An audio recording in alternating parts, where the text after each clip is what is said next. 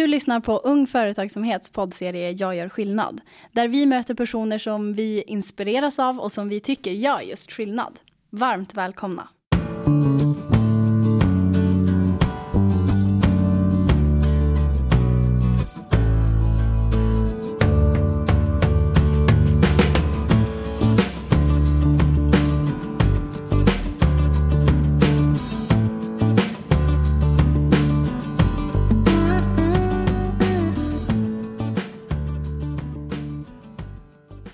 Man kontaktar en myndighet vill man få kontakt med någon som visar vilja att hjälpa till och som är kunnig på sitt område. En sådan är Karina. En riktig klippa på Skolverket. Hon är en engagerad, nyfiken och mycket erfaren pedagog som tagit med sin långa erfarenhet från skolan i rollen som utbildningsråd på Skolverket. Entreprenörskap är idag en nyckelkompetens i EU och hon en viktig pusselbit i arbetet att driva och utveckla entreprenörskap i utbildning på nationell och internationell nivå. Välkommen hit Karina Afrén. Tack! Vad kul att du vill gästa den här podden. Mm. Det känns superkul att få sitta ner och prata lite grann med dig. Men kan vi börja med att du berättar lite grann om din roll och vad du gör om dagarna? Ja, jag är ju som sagt undervisningsråd på Skolverket. Jag arbetar på en enhet som heter skola och arbetsliv. Och den enheten jobbar med både arbetsliv och skolrelaterade frågor. Och jag är en av två som ansvarar för eh, regeringens uppdrag till Skolverket då, att stimulera arbetet med entreprenörskap i utbildningsväsendet. Mm. Så, och det, det innebär ju till exempel att vara med på sådana här saker, att ständigt lära sig hur det ser ut ute i Sverige, hur folk jobbar. Det handlar om att erbjuda stöd med bra sidor. Det handlar om att tillvarata Sveriges roll i EU. Och det handlar om att, se, att skapa stöd till skolor och huvudmän som jobbar med entreprenörskap i skolan. Det är vår våran uppgift.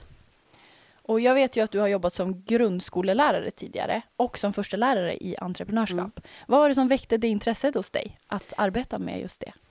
Jag tror att det var... Jag tror att jag alltid har varit nyfiken på uh, hur skolans arbete, liksom, hur det ska rimma med samhället. Att jag har aldrig skilt på skola och samhälle, utan det, det, det, skolan är ingen särskild enhet. Utan skolan är ju samhället. Det som händer i samhället händer i skolan. Och så var det faktiskt en enskild händelse när jag hade en klass och så skulle vi få besök. Eh, kommer inte riktigt ihåg, men jag tror det var från näringslivet. Så där lite att de skulle komma in och prata. Och jag såg på eleverna hur, hur oroliga de blev innan, att det skulle komma in en annan person Mm. från, från samhället, som att det skulle vara någon annan person som... Sådär. Och då sa, kom jag ihåg att jag gick till min rektor och sa att så här kan vi inte ha det. Skolan måste ut i samhället och samhället måste in i skolan. För vi kan inte, vi kan inte dela på det så här. Och sen är jag ju utbildad på den gamla läroplanen LPO 94 och där pratar man mycket kring förmågorna. Så för mig var det ganska naturligt. Och sen när Lgr 11 kom och det skrevs in i den som entreprenörskap så, så ja, då fortsatte vi bara. Mm. Och utvecklade arbetet på skolan och i kommunen på ett jättefint sätt där jag jobbade. Men vad, vad är egentligen då entreprenörskap i skolan och varför tycker du att det är så viktigt?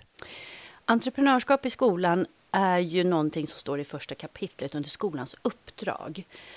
Och ursprungligen kommer det, precis som du sa, att det kommer från EUs nyckelkompetenser där det finns entreprenörskompetens. Och det skrevs in i läroplanen då, Lgr 11 för grundskolan och Gy 11 för gymnasiet. Och det är en samling förmågor som räknas upp som, som eleverna ska träna på under hela sin utbildningstid. Både på gymnasiet och på grundskolan och förskoleklass och på fritidshem. Och de här förmågorna, som till exempel att komma på idéer, pröva, ompröva, ta initiativ och ta en idé till handling. Det betyder alltså att det räcker inte att bara sitta och komma på idéer. Man måste också få prova någon på riktigt. De här förmågorna, det är entreprenörskap i skolan. När man Mm. tränar dem på ett elevaktivt sätt. Där eleverna ska få liksom själva pröva och ompröva. Och sen så ska det också gärna visas, det ska skapa värde för någon annan, säger EU. Och det behöver inte vara ekonomiskt värde, men det kan vara socialt eller kulturellt. Och det vet vi nog alla som jobbar i skolan, att när, när eleverna märker att det är någon annan som ska titta på det man har gjort, så blir det än mer viktigt. Och då är det precis som att de här förmågeträningen, då skärps den lite. Mm. Uh, och det blir mycket viktigare och då höjs motivationen också. Mm. Så det är också en pusselbit i entreprenörskap. Det här att man ska visa upp det för någon annan, ha en skarp mottagare brukar vi uttrycka det som. Um, så att det inte bara blir läraren som ska titta på det en elev har gjort, utan också någon annan. Mm. Så det är en pusselbit. Så sammanfattningsvis kan man säga att entreprenörskap i skolan är de här förmågorna som räknas upp. Sen vet alla människor att det krävs en massa fler förmågor som finns i andra ämnen. Kommunikation och argumentation och sådär. Och de ska ju också till. Mm. Och när man får träna på de förmågorna så och sen då få visa upp det för någon annan, då är det entreprenörskap i skolan. För då främjar det ett förhållningssätt mm. um, uh, som främjar entreprenörskap, står det i läroplanen. Mm. Och det är ju svårt att, att, att definiera, men där, de här förmågeträningen skulle jag vilja säga, det är entreprenörskap i skolan. Mm. Men om man då eh, jobbar med entreprenörskap i skolan, vad kan tänkbara utmaningar vara och vad kan tänkbara lösningar då vara på de utmaningarna? Jag, jag vet av egen erfarenhet, och jag får ju höra mycket på Skolverket såklart, så, så tror jag att den främsta frågan som kom från början är vad är det? Som den frågan som du ställde mm. precis. Vad är entreprenörskap i skolan?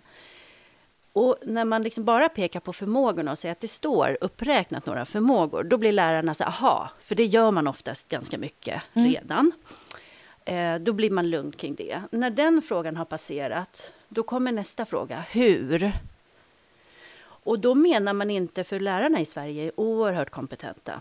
Så att, men jag tror egentligen inte man menar rent handfast alltid, utan man, då tänker man huret, då tänker man på tid. Man är orolig för, för vi har jättemycket stoff i våra läroplaner som eleverna har rätt att få ta del av, som mm. de ska kunna när de lämnar den skolformen man jobbar i. Så man är orolig på, ska vi hinna det här också? Men när man förstår att det finns utrymme att samarbeta med andra, att det lärande du har i ditt ämne, om man sätter ihop det lärandet med något annat lärande i något annat ämne, så har man ju ett litet början till mm. ett projekt. Och om man dessutom, efter man har lärt sig allt det där, låter eleverna få visa det för någon annan, att bygga upp en liten utställning eller ha ett öppet hus, då har man tränat, då har man jobbat med entreprenörskap i skolan. Mm. Utan att för den skull ha lagt massa pålagor. Utan du undervisar, du undervisar i ditt ämne. Men du gör det och så säger du, liksom funderar du på, finns det någonting som de skulle kunna göra som gör att det här blir verkligt och meningsfullt, verklighetsanknutet? Mm. Och hittar man en sån sak, då tränar man på entreprenörskap i skolan. Eller då tränar man på de här förmågorna som är entreprenörskap. Så jag skulle vilja säga tid och hur. Och svaret på det är att antingen så börjar du i din ordinarie planering och titta på en annan lärares planering och se om ni kan jobba ihop. Mm. Och så tränar ni vissa förmågor där. Och har någon liten utställning eller någonting sånt. Eller så bestämmer ni att den här skolan ska ha ett projekt per termin. Mm som blir lite större. Och då ska det handla om någonting där alla ämnen är välkomna. Det vill säga, vi brukade till exempel prata om, ja varför inte Agenda 2030, som mm. alla ska undervisa i ändå. Där är nästan alla ämnen inblandade. Varför inte göra någonting om det, när vi ändå ska undervisa i det? Hälsa är också ett sånt där toppen exempel på projekt. Sex och samlevnad, kärlek. Mm. Eh, det finns många sådana där, där man helt plötsligt hittar och så bestämmer man att de sista veckorna på, på terminen, då kör vi det här. Och så blir det lite större. Så mm. det är också ett svar på det där hur. Så det finns ju olika sätt att förhålla sig till det. Jag tänker också att man som eh, pedagog också lär sig mer och jobbar mer entreprenöriellt när man jobbar så tillsammans och ämnesövergripande och ska lära ut på ett sånt sätt. Mm. Att man blir bättre på det själv. Ja, och framförallt, det blir man verkligen. Och framförallt den stora utmaningen som lärare, det är att våga släppa taget mm. ibland.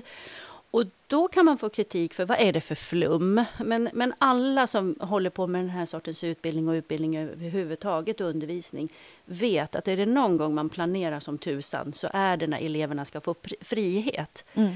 För ramarna måste ändå vara preciserade. Tiden, när, var, hur för eleverna för att inte de ska tycka att det är rörigt. Ehm, men sen vad man backar som lärare på det är att inte själv stå och ha alla svaren. Mm. Så när en elev kommer fram och frågar hur, varför, eller hur, hur vet jag det här? Ja, jag vet inte. Vem kan vi fråga? Mm.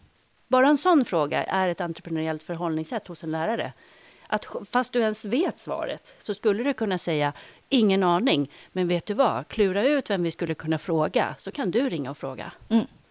Bara en sån sak. Så du har helt rätt, visst är det så. Och, och när man väl börjar jobba på det här sättet ibland, eh, och varierad undervisning är ju det som är toppen, att man blandar sånt som man behöver leda och sånt där man kan låta eleverna arbeta fritt eller med egna idéer under, under liksom ordnade former.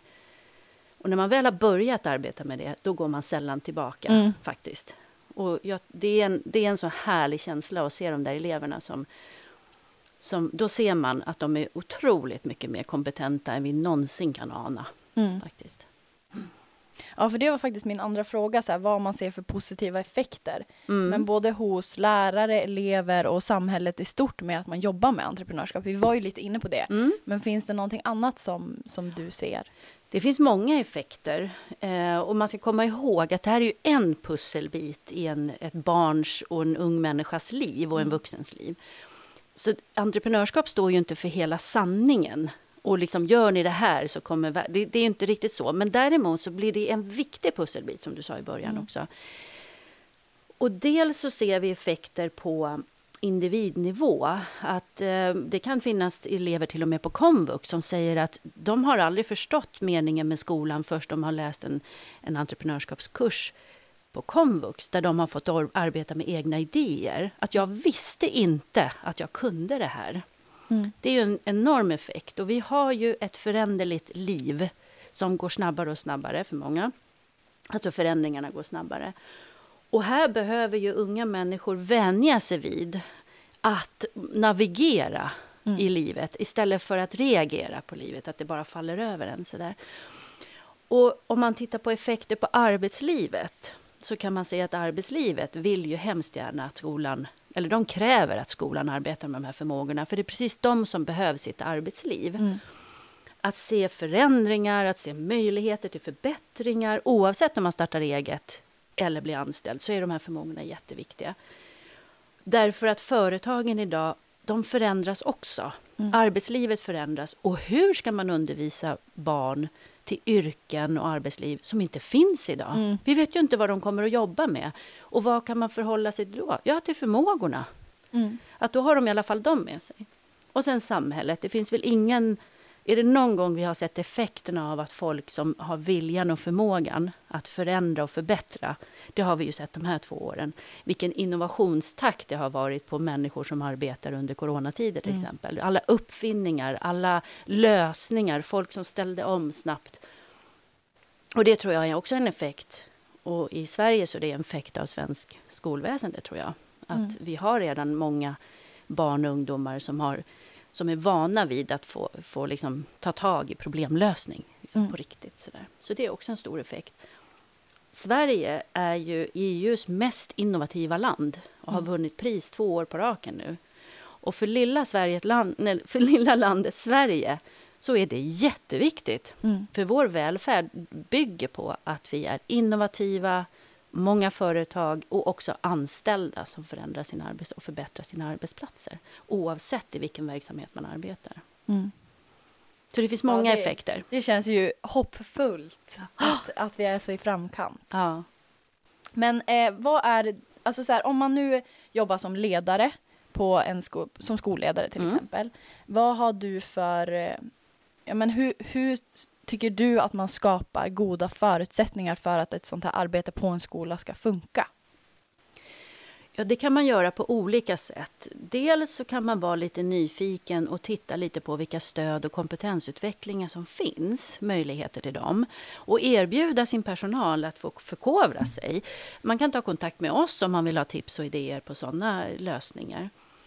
Sen tror jag också att det kan vara en sån sak som att lyfta frågan på ett möte. Så där. Vad, är, vad är det för förmågor och kompetenser vi låter våra elever träna på, på den här skolan. Vilken härlig diskussion att ha det på, på ett APT eller sådär. Man kan också diskutera framtidens förmågor. Vad mm. tror vi om det? Att lyfta frågan kring förmågor så att man pratar inte bara resultat i ämnen, de är hur viktiga som helst. Men i det så ligger det också att vi har ett uppdrag att liksom skapa en hel människa. Mm. Det räcker inte bara med ämneskunskaper, de måste också kunna göra någonting av dem. Så att den här diskussionen, att lyfta frågan um, lite kring vad vi egentligen utbildar för, mm. tror jag kan vara värdefullt. Sen är det väldigt viktigt med rent konkreta saker. Man kan titta på materialbeställningar, för man kan räkna ut att lärare som börjar brinna för entreprenörskap i skolan kommer med en liten inköpslista. Mm. för det kommer behöva köpas in allt från montrar till papper, ja, men ni vet, så att man är lite förberedd den dagen där, där barnen och de ska skapa någonting, kreera någonting. Och glöm inte att använda spillmaterial från industrin och från företagen. Ring och fråga om ni får, får lite manicker som mm. ni kan skruva på. Och sådär. Och det är ju väldigt konkret. Och sen så kan man se över hur man organiserar och tjänstefördelar i scheman till exempel. Att om det är några som vill samarbeta ämnen då, ämneslärare till exempel på högstadiet, för det är då det bör, brukar börja bli lite mera utmaningar än vad det är på, på låg och mellan. Då kan man ju fundera på tillsammans med lärarna om deras lektioner kanske ska ligga efter varann. Mm.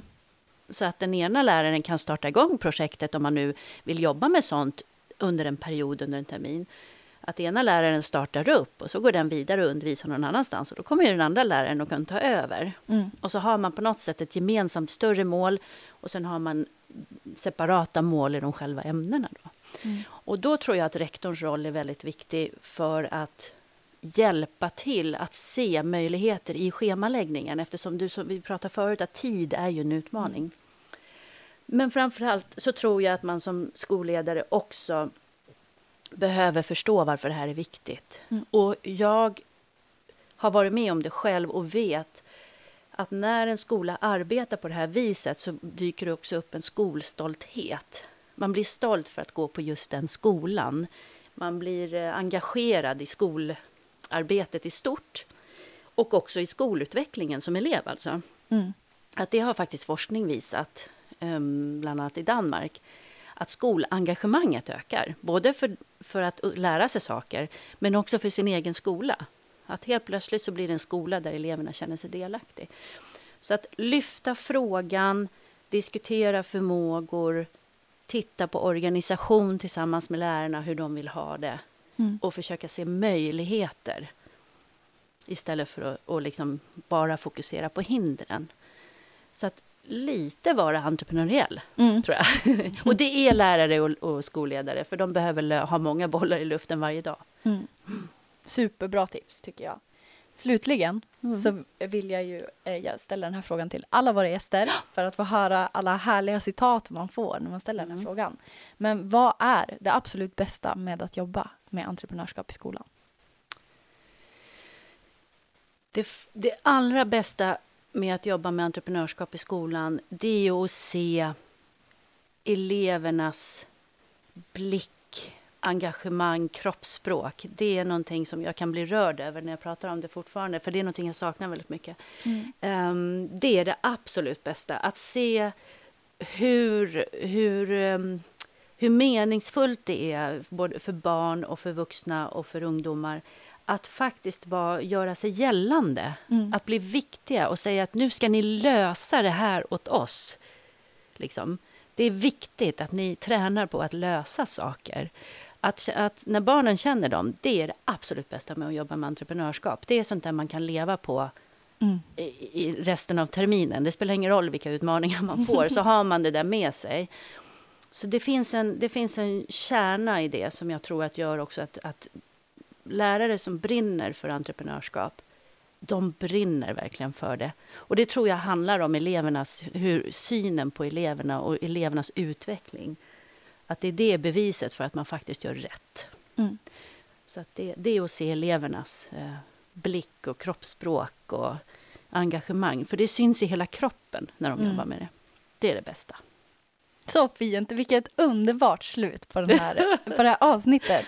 Jag är jätte, jätteglad att du gästade podden och eh, det ska bli superkul att få dela de här alla avsnitten som vi spelar in med alla viktiga personer som ger superbra tips. Så tack för att du medverkade. Tack så mycket.